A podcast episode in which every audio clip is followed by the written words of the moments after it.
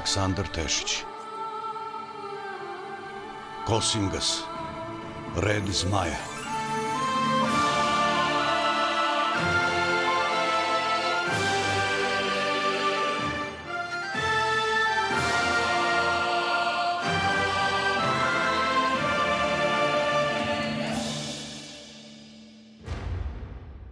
Епизода 12.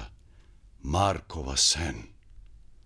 Уторак, 14. jul, leta gospodnjeg 6896.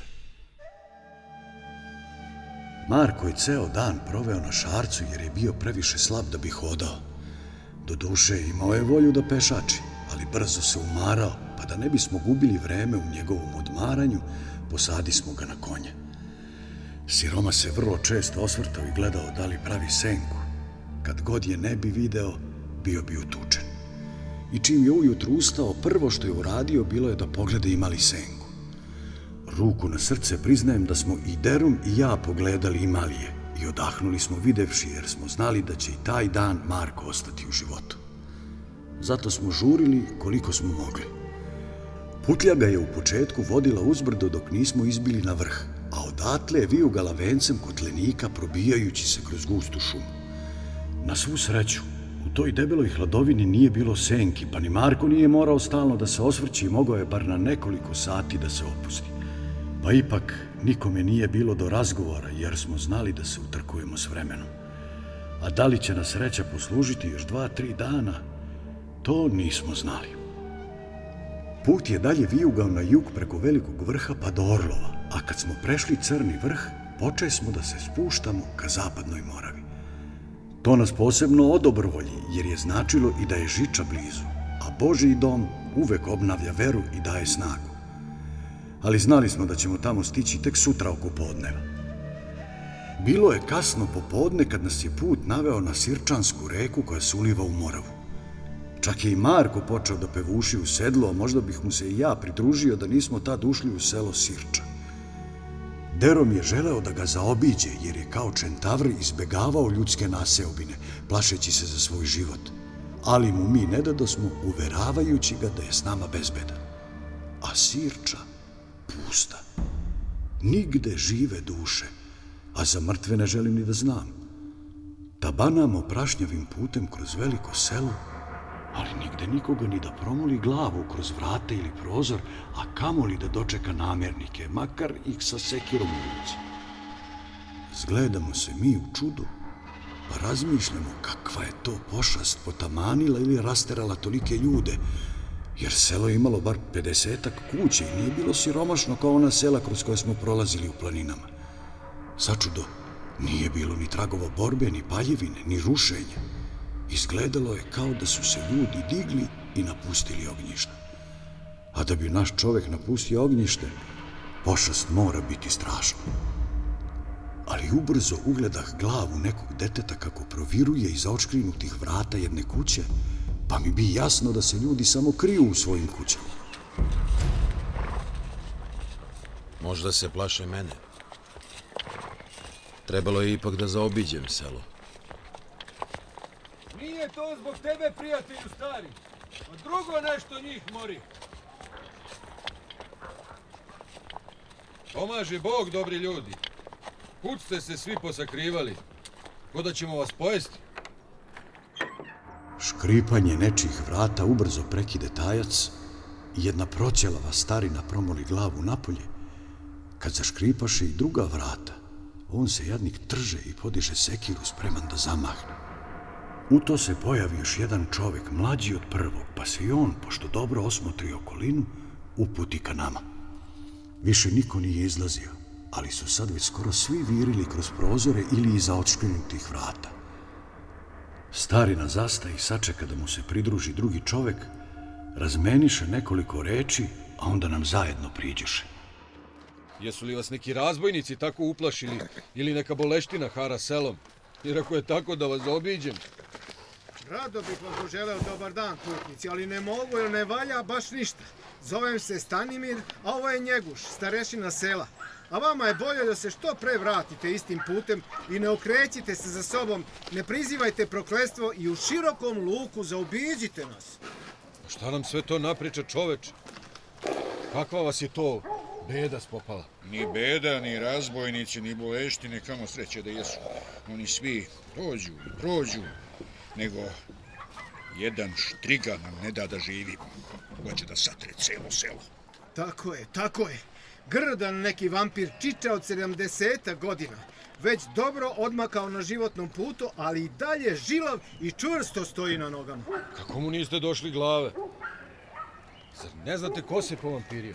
Ama to je najgore zemljače što ne znamo. Da znamo ko je, otvorili bismo mu grob preko dana i prekrajčili ga. Ali ne znamo. I ko za vraga.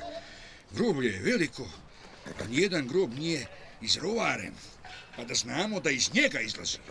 Znate da se najpre po vampire samubici, ranjenici ili oni koji su se upokojili od neke boleži? Ili ako pokojniku nije upaljena sveća ili zabijen ekser pod glavu? Ili ako je preko njega prešla mačka ili kokoš? Ili pak ako ga je ubio grom? Je li bilo takvih u vas? Ma sve mi to znamo, zemljače, ali takvog nije bilo u nas. A ipak, do sad je zaskočio osmoro ljudi, od toga tri žene, ispio im je krvi i pojeo džigaricu. Pre neku noć je napao moju čerku, a ja sam, ja sam ga dohvatio vilama. Izbo!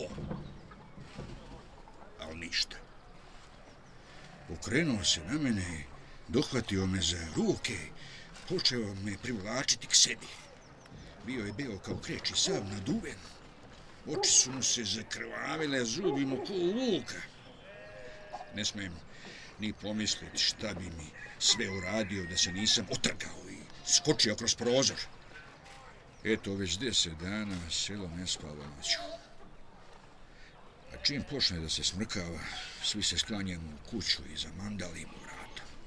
Mada, to ne pomaže. Vampir je jak i razvali ih jednim udarcem, pa dohvati prvo komu padne pod ruku. Jeste li naoštrili glogov kolac? Zašto ga ne napadnete svi zajedno?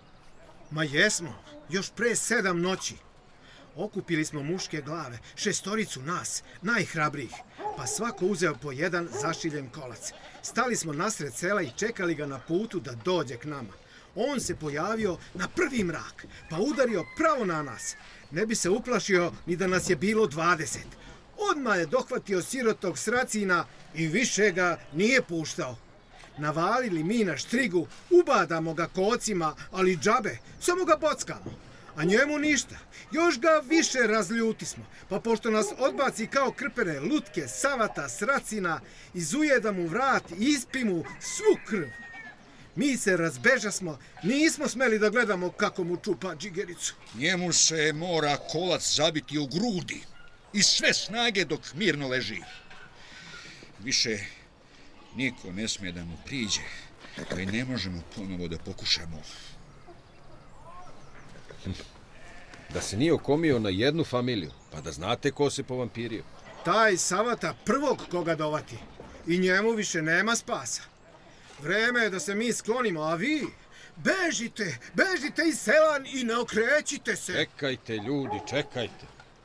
Ima leka i za štrigu. Ponesite tri glogova koca i kofu peska, pa nas odvedite na groblje. I ne zaboravite lopate. Jeste li poludeli? Da idemo na groblje pa da nas sve izede. I nas i vašeg čentavra. Nikako! Poslušajte šta vam monah kaže, pa donesite kočeve i pesak. On zna šta treba činiti. Stanimir i Njeguš se zgledaju pa vele vredi pokušati. Ne može se dalje ovako. U to Njeguš ode svojoj kući i brže bolje donese tri naoštrna glogova koca po lakat dugačka i u drvenoj kofi pesak, kojim je verovatno gasio žar u kući. Dade ih meni i ne reče više ništa, već nam samo rukom pokaza da krenemo za njima. Stanimir umeđu vremenu donese tri lopate od svoje kuće. Kako prolazimo kraj kuća, tako vidim neke žene ili starce kako se krste i brzo zatvaraju vrata ili drvene kapke na prozorima. Neki se čak osmiliše da krenu za nama, ali ipak na sigurnoj udaljenosti, verovatno nadajući se da će ova neobična družina možda znati kako da izađe na kraj s vampirom. Kad izađe smo iz sela, skrenu smo levo u polje, pa pravo u bagrenjak koji je delio selo od groblja. Tu se uveri smo da je groblje veliko i da su se od vajkada ljudi tu spaljivali, a odskora se i sahranjuju. Žiča je bila blizu, pa su i popovi verovatno češće obilazili. Tad nam Stanimir reče da se sa druge strane brda Borča, koji se videlo ispred nas, nalazi selo Tatarluk i da oni takođe sahranjuju svoje mrtve ovde, ali otkad se pojavio vampir, više ne dolaze. Neke humke su bile obeležene krstom, druge običnim kamenom ili kamenom pločom. I zaista, nijedan grob nije bio izrovan što bi ukazivalo na krivca. Vidim da sunce brzo zalazi, pa ni meni nije drago da se hvatam u košta s vampirom, jer je borba sa njim uvek neizvesna. Marko, sjaši sa šarca. Kad na vrbi rodi sniva. Ne dam mog konja za te vaše vračarije. Kraljeviću, veruj mi. Konje nikad neće preći preko groba vampira. Kad ustukne, znajte da se tu krije zlikovac. Zalazi sunce, požurite ljudi, samo što nije ustao iz groba. Prođu smo pola groblja kad se šarac na jednom ukopa i ni makac dalje. Poteram ga napred preko jedne humke, pa iako nije bila razrovana, on se propinje. Neće da je gazi. Tu vam leži štrigo. Daj tu kantu s peskom, brzo, brzo! Nati, kad sve to prebrojiš, tada da se povampiriš ceo krug oko kumke. E, Tako. Sad neće moći da izađe iz groba. Ali da bi ga ubio, moram da uđem u grob kod njega. Zar ovdje ne leži bunilo, Stanimire? Jest, jest. Znači, taj je zloduh. A što li se samo povampirio da mi je znati? No šta smo mu mi to skrivili? Do duše, nikome on nije ni bio drag. A možda i ne čudi. Kako da bude drag, kad je njegova krava davala najviše mleka, a kokoške mu nosili najviše jaja? Kažu da je urekao našu živinu. I često je pohodio crkvu. I prvi je tamo krstio decu. Nebala, ja ću da mu zabijem taj kolac. Brzo, brzo otvarajte poklopac od sanduka. Nemamo vremena. U sanduku leškari štrigo, sav naduven od krvi, beo kao kreč i raščupane kose. Ne čudi se što ga niko nije mogao prepoznati, jer je bio nakazan. Prsti mu se završavaše dugim noktima koji behu prljavi od usirene krvi. Čak mu ivice usta behu od usirene krvi, a oči sklopljene. Prekrstio ruke preko grudi i umotao se u nekakvu belu ponjavu. Verovatno čeka prvi mrak da se digne i potraži novu žrtvu. Vidim da više nema vremena za čekanje, pa brzo dohvatih kolac i namestih mu ga iznad srca. Njeguš zamahnu lopatom i sve snage i tresnu po kocu, ali ovaj odskoči od vampirove grudi jedva probi njegovu belu ponjavu. Na moj povik da udari opet, kolac se ponovo odbi i ja vidim da smo u nevolji. Gledam štrigu i samo čekam kad će da otvori oči i da se iskezi na mene. Stanimir vide da su ovo nečista posla, pa brže, bolje pobeže iz rake. Virio je iza deroma. Namestih kolac opet i zakukah. Pa njegoše Bog te ubio, udri jače ili smo gotovi. Čvrsto sam držao kolac kad vampir na jednom otvoru zakrvavljene oči i ja se prenuh. Sigurno bi ga ispustio, prihvatio se kurjak kad na jednom nekakav strahovit udarac u kolac zabi mu ga duboko u grudi. Pogleda gore, a ono stoji Marko sa zmajatom u ruci. Štrigo se na tren još više nadu, pa mu pokulja krv na usta i na nos. Zakrklja, ali dohvati sirotog njeguša za gušu i stade ga gušiti. Ovaj preblede i već pomislih da je gotov, pa brzo namestih i drugi kolac. Udri opet, Marko, udri opet! I drugi udarac mu je satro kolac i zakucao ga za sanduk ispod njega. To je bilo dovoljno da štrigom litavi i pusti njeguša da se iskobelja. On izbavulja iz rake, kašljući i krsteći se i pokušavajući da dođe do vazduha. Videh da je vampir gotov, pa mu vratih poklopac od sanduka. Kad sam izašao iz rake, Stado smo zadihano da ga zatrpavamo istom zemljom. Svaka vam čast, ljudi. Jo, ja sam mislio, gotovi ste. Ima da vas sve izede, a da ne mora ni iz groba da izađe. Vidim da se mučite pa da vam pomogne. Hvala da nam nisi pomogao, više nam pomoći ne bi bilo. E, sada ćete biti naši gosti i mi ćemo vas valjano ugostiti. Red je da noćivate kod nas, pa sutra nastavite put. Ne znam hoće li se setiti kako se spava u postelji. U selu nas dočekaše kao junake iz nekog rata, a Stanimir i Njeguš svima pričaše kako je Marko jednim udarcem svog buzdovana zabio kolac vampiru, dok smo se ja i Njeguš petljali s njim. Narod, a ponajviše deca i žene, okupiše se oko njega pa ga stadoše tapšati po leđima, hvaliti ga i zahvaljivati mu. Vidim da mu to godi, a meni drago što mu je narod spopao čestitati. Sve mu to daje snagu da izdrži što duže. Slavlje se prethodne noći bilo odužilo, pa smo put nastavili kad je sunce već bilo visoko. Marko nije silazio s konja od kako ga je ujutru uzjahao, jer više nije imao snage ni nogom da kroči. Iako je tog jutra još imao senku, brinuli smo se da li će živ dočekati veče.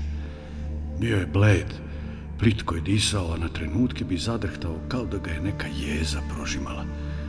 Obično bi posle toga klonuo još više. Na slavlju je vrlo malo jeo i ništa nije pio sem vode, što je bio loš znak jer se Marko prvo hvatao vina ili rakije. Kod mesta Šumarice Ibar se uliva u Moravu, pa su tu meštani razapeli sajlu za skelu i tako bi putnici prelazili jednu reku umjesto dve. Srećom po deroma na skeli nije bilo nikoga, pa sem starog skeleđije koji nas je gledao ispod oka, nikoga više nije bilo da podozrivo gleda Čentavra. A vidim da je deromu neprijatno. Osjećao se kao da je kužan, a proklete neznalice nisu znale koliko je u Čentavra veliko srce. Čim smo prešli na drugu stranu, zamako smo u šumu da bismo se sklonili od neprijatnih pogleda, jer je duž obale bilo naseljeno, pa je put koji je spajao ta sela bio vrlo prometan. Nekako svi putevi kao da su vodili u žiču. Koga god da pitaš kuda ide, reći će u žiču. Bilo je kasno popodne kad smo prešli potok Zmajevac i znali smo da smo blizu žiče. Ja ne idem dalje. Ne smem u žiču. Čekat ću vas u šumi. Valjalo bi da Marko odmori, a prota Teodor možda zna za neki melem ili molitvu koji bi mu olakšali muke. Ne brini za mene. Ne brini. Ajde.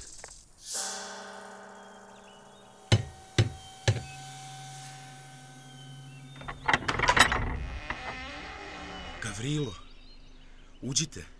Ne poznam te, Kaluđer. Poznam ja vas i vašu borbu. I da se ja pitam, Mladić, mom prijatelju je zlo i odmah mu treba postelja. imam jednu slobodnu ispusnicu sa slamaricom. Pođite za mnom.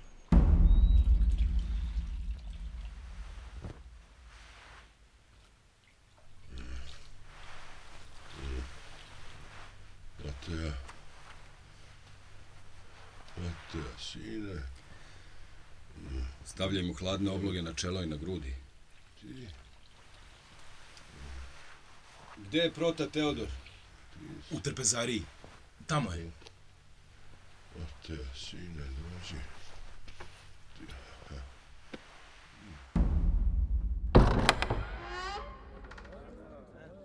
Kraljević Marko je bolestiv. Izvinjavam se časnom skupu na ovakvom upadu, ali potrebna mi je protina pomoć. Baš kako dolikuje monahu Gavrilu. O tome sam vam govorio. Gordost, arogancija, neposlušnost. Ali kao i uvek, naš brat dolazi u pravi čas. Sigurno mu je žurba velika kad ovako upada. Čudo da je kraljević još živ. Tvoji saputnici kratko žive. Sad kad si već ovde, Gavrilo, sedi. Sedi s nama da većamo. Postoje i drugi važni poslovi pored tvojih. Eh, Eto, sede u čelo stola. Kažem vam ja, Gavrilo voli da bude na čelu. Rado ću ja zameniti svoje mesto sa svakim od vas, braćo. Biće bolje da nastavimo s raspravom. Imamo važnije posle. Po ranijem dogovoru pohodio sam sela pod Nobeljanice šireći reč Božiju na dan 24. juna i još malo nakon toga, slaveći svetog Jovana Krstitelja kako bismo potisnuli kupalske svetkovine koje su bile veoma raširene među narodom. Na svojim putešestvima opet sam se nagledao svakojakog razvrata. Dokle će ljudi takove stvari običavati, ja ne znam. Bože me prosti, kao da smo uzalu doneli praznik i na Ivan dan oni slave nekog jarila. Nigde ne kriju kupalske običaje, a negde čak pričaju običaje i zdravo je kupati se na Ivan dan. Neki kao da su jedva dočekali da se te naopakosti spoje s našim crkvenim praznikom. Pa sad u oči tog Ivandana po selima momci šuruju s momcima, a devojke se dogovaraju sa devojkama da idu na najbližu vodu i da se pre izlaska sunca kupaju. Po tom naopakom običaju, ako na vodu prvo dođu devojke, momci ne prilaze dok se one ne okupaju. Onda one odlaze među žbunje i čekaju da se momci okupaju. Pa onda zajedno golišavi igraju, pevaju i čine razvrat. Ne ulazi mi u glavu da će seljak sekirom ubiti svoju ženu zbog nevere, a na Ivan dan je deli sa svim i svakim. Gledao sam svojim očima kako se devojke raduju tom danu, jer ih tada momci gledaju, dirkaju, guraju u vodu, pa je takva devojka čak na boljem glasu drugih. A i roditelji se njome diče. A muškarci, Bože, sačuvaj! Napiju se pa ne biraju s kojom će ženom činiti razvrat. Ne ustručavaju se da skopadnu i svoje sestre, pa Bože me oprosti. Devojke zaboravljaju svoje devičanstvo. Ja ne znam, ne znam kako da se borimo s tom pošlostom. To praznoverje je vrlo jako. Govorim im, slavite dan svetog Jovana Krstitelja. A oni će, slavimo ga, slavimo ga. Podu na reku i čine razvrat. Naopako. A kad padne noć, onda pale velike vatre, zovu ih kolede, po nekoj paganskoj bogini, pa nabacaju smrću preko njih. Preskaču ih i momci i devojke, a odrasli drže malu decu na tim vatrama i kade ih. Bože, sačuvaj. To traje noćima, a najviše na Ivan. Sad ja pitam ovaj časni skup. Kako da se izborimo s tim neznaboštvom? Kako iskoreniti to zlo, zlo koje truje naš narod? Možda naš uvaženi i nepozvani gost može najbolji save da nam da, s obzirom na to da ima razumevanja za mnogoboštvo. Još je grčki filozof Aristotel rekao, naš karakter je rezultat našeg ponašanja. Neke stvari se teško ili nikako ne menjaju. One običaje koje su toliko duboko ukorenjeni u nama, možemo samo zatrpati drugim i zavarati ljude. Ali makoliko to činili, oni uvek izbiju na površinu. Treba uporno slaviti svetog Jovana Krstitelja na dan 24. juna. Pa neka se i taj dan zove Ivanjdan. S vremenom će narod prihvatiti crkveni praznik, a sve manje će slaviti Jarila. Kad budu zaboravili Jarila, nestaći i kupalske svetkovine. Jer... jer zaborav ubija. Na kraju će ostati možda samo neko bezazleno ritualno kupanje i ništa više. Crkva ne mora da brani kupanje, samo razvrat. Neka narodu kupanje. U ostalom zdravo je. Da i sveštenici učestvuju u kupalskim svečanostima. Bože me sakloni. Neka ne brane kupanje, a ljudi će se ustezati od razvrata pred sveštenikom. Vreme će učiniti svoje. Možda je monah Gavrilo ovoga puta u pravu. Videli smo da kazne ne vode ničemu. Umesto da im branimo, treba ih samo usmeravati. Pa neka misle da je to njihova volja i činjenje. Kraljeviću Marku se još više slošilo. Traži Gavrila. Kraljević umire. Ako je po Deromu, smrt još ne može da dođe po njega. Nisi mu mogla pomoći. Njemu kao da nema pomoći. Šta mu se desilo? Morana. Bože, sačuvaj. Onda mu nema pomoći. Idemo da je tražimo. Moram je naterati da mu skine čini. Ludeo si, Gavrilo. Obojica ćete stradati. Ona je previše moćna. Ako si jednom uspeo da pređeš hromog davu, nemoj misliti da to možeš ponoviti sa Moranom. Previše je lukava. Čak i dabu vrti oko malog prsta. Ili je obrnuto proto. Svejedno, Gavrilo, ni kao Kosingas, ne smeš na nju udariti. Ona je više od čarobnice. Ona je Kikimora,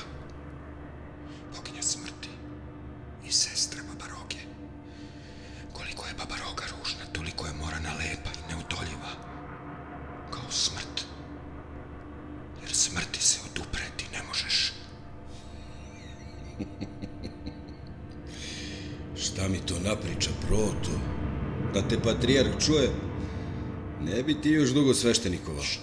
Pusti sad to, Gavrilo. Nisam ni ja od juče. Nego ne odlazi u njeno leglo. Nećeš se živi zvući. Kucaš na vrata smrti. Neka mi ih samo otvori. Dočekat ću je ja sa zmijavom. Ne putali. Kako da te ubedim da ne ideš? Nikako. Jedino ona može skinuti čini s Marka. On je ratnik iz proročanstva, za njega će ako treba i živo dati. I da ostanemo bez Kosingasa? Vredi li toliko? Vredi i više, veruj mi. On je budući Kosingas. I ja mu pomoći moram.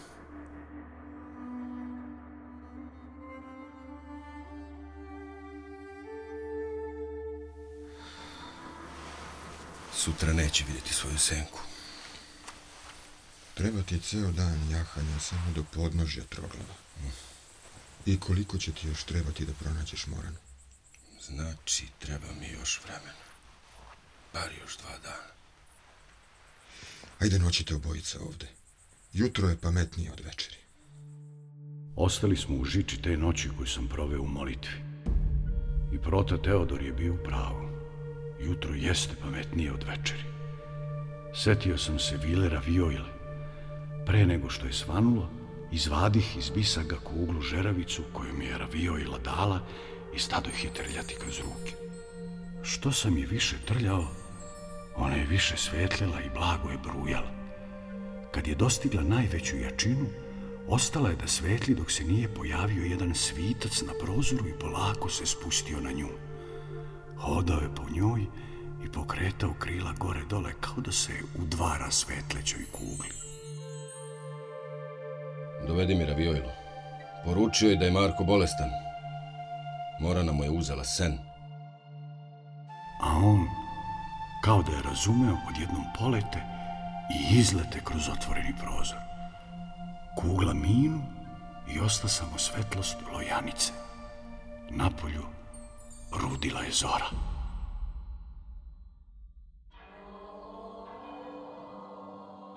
Četvrtak je po običaju baksuzan dan, pa sam ga se pribojavao. Dok sam se spuštao hladnim polumračnim hodnikom ka Markovoj isposnici, razmišljao sam šta ću zateći. Da li je Marko još živ ili se već upokojio? Nisam želeo da verujem da će ga snaći takav kraj. Uvijek sam zamišljao da će pasti u nekakvom ljutom boju preko gomile mrtvih neprijatelja. Ali od zagrlja neke žene, makar to bila i Morana, nikada. Zato se nisam iznenadio kad sam ga zatekao kako sedi u svom krevetu i prebira po svojim prstima kao po brojanici. Podigao je polako glavu i smogao snage za jedan osmeh. Kasniš, pope. Već je svanulo, od tebe nema. Očekivao sam da ćeš banuti već sa prvim svetlom. Prethodne noći si mnogo prepio, pa sam te hteo ostaviti da se naspavaš. Kamo sreće da je ovo od vina. Pevao bih. Nego, teško mi je da ustanem. Ajde. Pomozi, pomozi. Eh. Kad to kaže ljudina kao što je Kraljević Marko, onda zna i da mu je loše. Pruži mu ruku da se osloni i on se uz veliki napor podiže na noge. Ne izdrža, nego se okrenu da pogleda svoju senku. Bila je tu. Lice mu se ozarilo, a oči zablistale od radosti. Imao je još jedan dan života. A ja ga obradovah još više vešću da sam poslao poruku Vili Ravioili i da će ona sigurno smisliti neki melem koji će mu produžiti život za još koji dan dok ne pronađemo Moranu. Odmah je počeo i lakše da hoda, pa je tražio da se odmah krene na put. Od prote Teodora smo se oprostili na vratima samostana. Uzalud je pokušavao da nas ubedi da ne idemo na troglav. Ni priče o nestancima ljudi, ni o napadima psoglavih nisu mogli da nas zastraše. Proto i ja se izgrli smo kao rođeni, pa me on natera da mu obećam da ću prvom prilikom poslati glas po nekome da smo živi i zdravi. Tek tad nas nekako pusti da krenemo, ali ne pre nego što nas je nekoliko puta blagosiljao. Marko je jahao šarca, a ja sam vodio i njega i moga coku. Hitali smo ka Zmajevcu, što smo brže mogli, ne bismo ih pokupili deroma i zajedno nastavili put. Na sreću, negde na pola puta, on nas presretnu i reče da nas je ugledao iz daleka i da nam je krenuo u susret. Pružili smo korak. Namera nam je bila da do sumraka stignemo do sela Troglav u podnožju te zlokobne planine. Nadao sam se da će meštan imati da nam kažu neku reč upozorenja ili po neki savjet, jer ipak su ceo vek proveli podno te zlosutne planine, a da ih Morana nije dirala. Neku tajnu su sigurno krili, nešto što bi nama moglo da pomogne. Hitali smo šumskom stazom da bismo izbegli neprijatne susrete s meštanima i poštedili deroma pogrdnih reči i podozrivih pogleda. Prošli smo kroz Mataruge i izbili na Ibar. Na drugoj obali beše Lakat, isto mesto gde smo Marko i ja prošli pre neki dan. Gleda smo sa brda na skelu na reci, kad Derom odbi da pređe vodu s nama, već veli da zna on drugo mesto uzvodno, gde je i ranije prelazio Ibar, pa nema potrebe da se izlaže neprijatnostima smeštanima. Na kraju se dogovori smo da se nađemo na putu podno debelog brda, u čijoj je blizini bila raskresnica gde je Hrelja bacao kamenje na prokletije. Nisam voleo što se razdvajamo, ali tako je bilo pametnije i sigurnije. U ostalom zbunit ćemo naše uhode. Neka se i oni razdvoje. Neće moći za nama preko reke. Marko se na to stade okretati i osmatrati okolinu, ali bio je previše bolestan, pa i neiskusan da primeti raznolike senke koje su se smenjivale i odavno nas pratile. Prešavši vodu s kelom, prođu smo pored krčme i nastavi smo prašnjevim putem preko lakta dok nas je sunce nemilosrdno pržilo. Bio je to jedan od najtoplijih dana dotad i bez daška vetra. U daljini, iznad puta, uzdizala se vrela izmaglica zbog koje izgledalo kao da je pod vodom. Marko se nalivao vodom i kvasio je glavu, a jedva se održavao u sedlu. Nisam smeo ni prebrzo da hodam, da on ne bi pao s konja. Ispijeno lice, upali obrazi i oči naguveštavale su njegov skori kraj. Ako se Raviojla uskoro ne pojavi i ne pomogne mu, proročanstvo se neće ostvariti i jad će preplaviti srpske zemlje. Odjednom osjetih veliku grižu savesti što ga nisam bolje pazio i što sam dopustio da ga Morana odvuče u stranu i zavede. Tolika pokolenja zmajevitih iza nas dadoše uludo svoje živote jer sam ja propustio da izvršim svoju osnovnu obavezu, a to je da mu zaštitim život.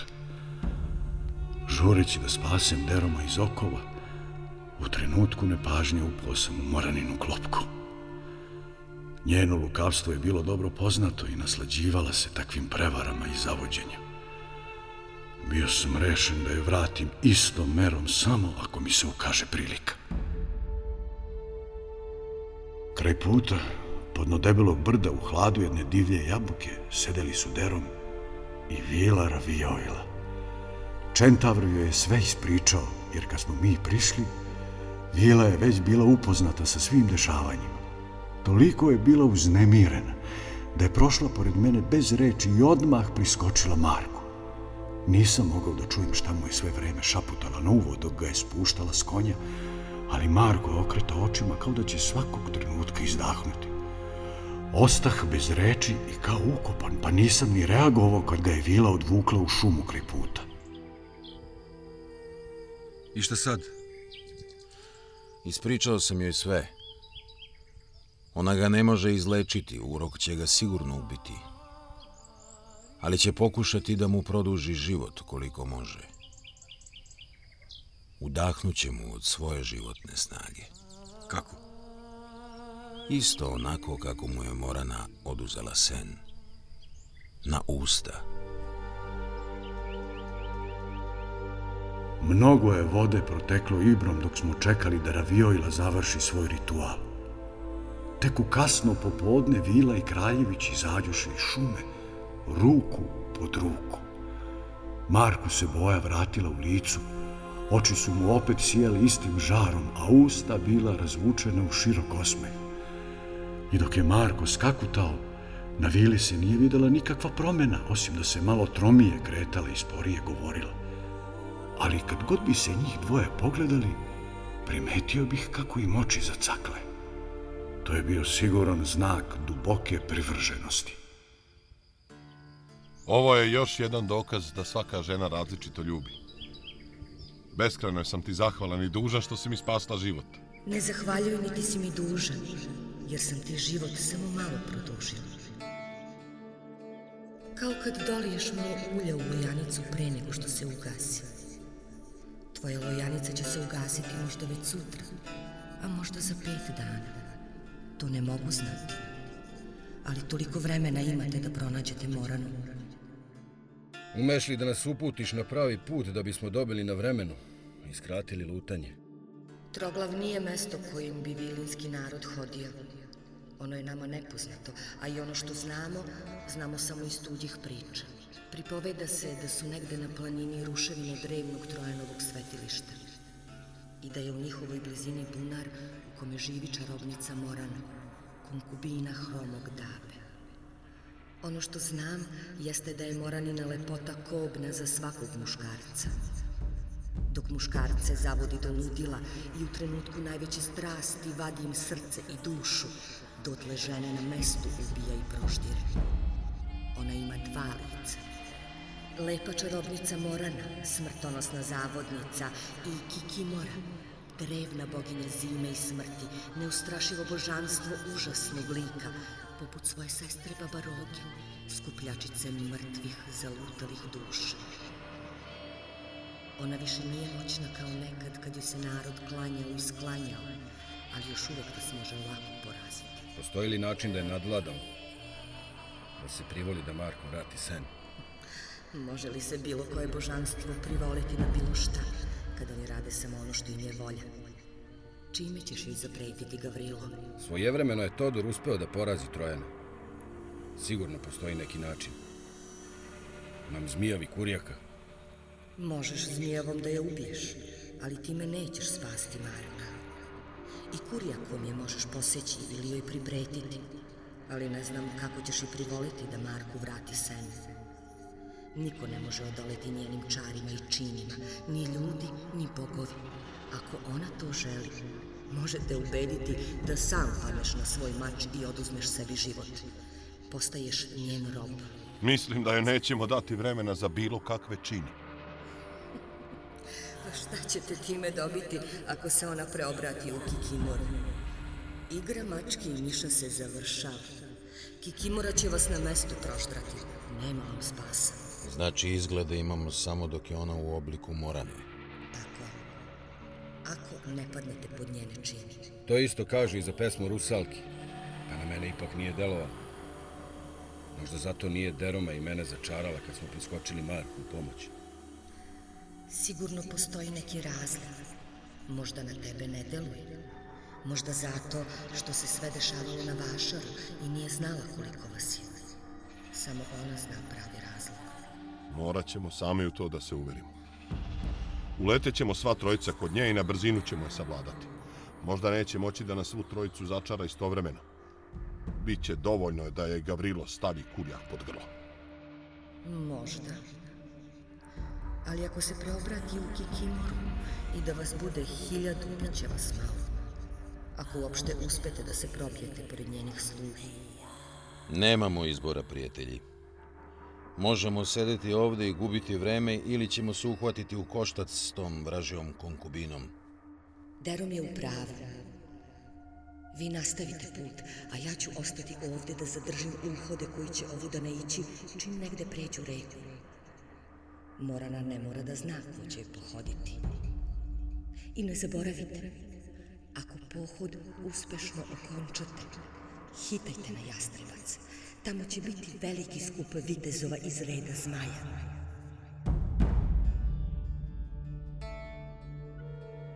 Raziđo smo se bez reči. Vilu ostavi smo i krenu smo prema ušću lopatnice u Ibar. Marko je bio veseo kao da do malo pre nije bio na umoru. Ali to je bila varka koje sam bio svestan. Dobili smo na vremenu, ali ostalo je da se vidi hoćemo li umeti da ga iskoristimo. Kad sam ga pitao šta je Ravioila uradila da mu povrati snagu, nije znao da mi kaže. Nije se sećao, ali mu ja nisam verovao.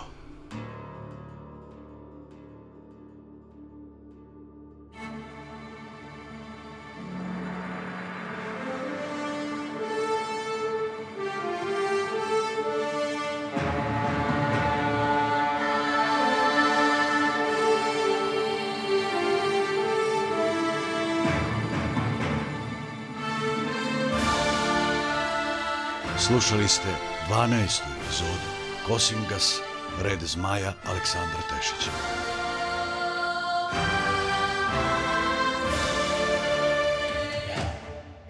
Ulogi su tumačili Radoje Čupić, Dejan Šarković, Ljubiša Milišić, Nenad Pećinar, Dragan Zorić, Miroslav Fabri, Danilo Milovanović, Miodrag Petrović, Aleksandar Gajin, Milan Kovačević, Nataša Milišić.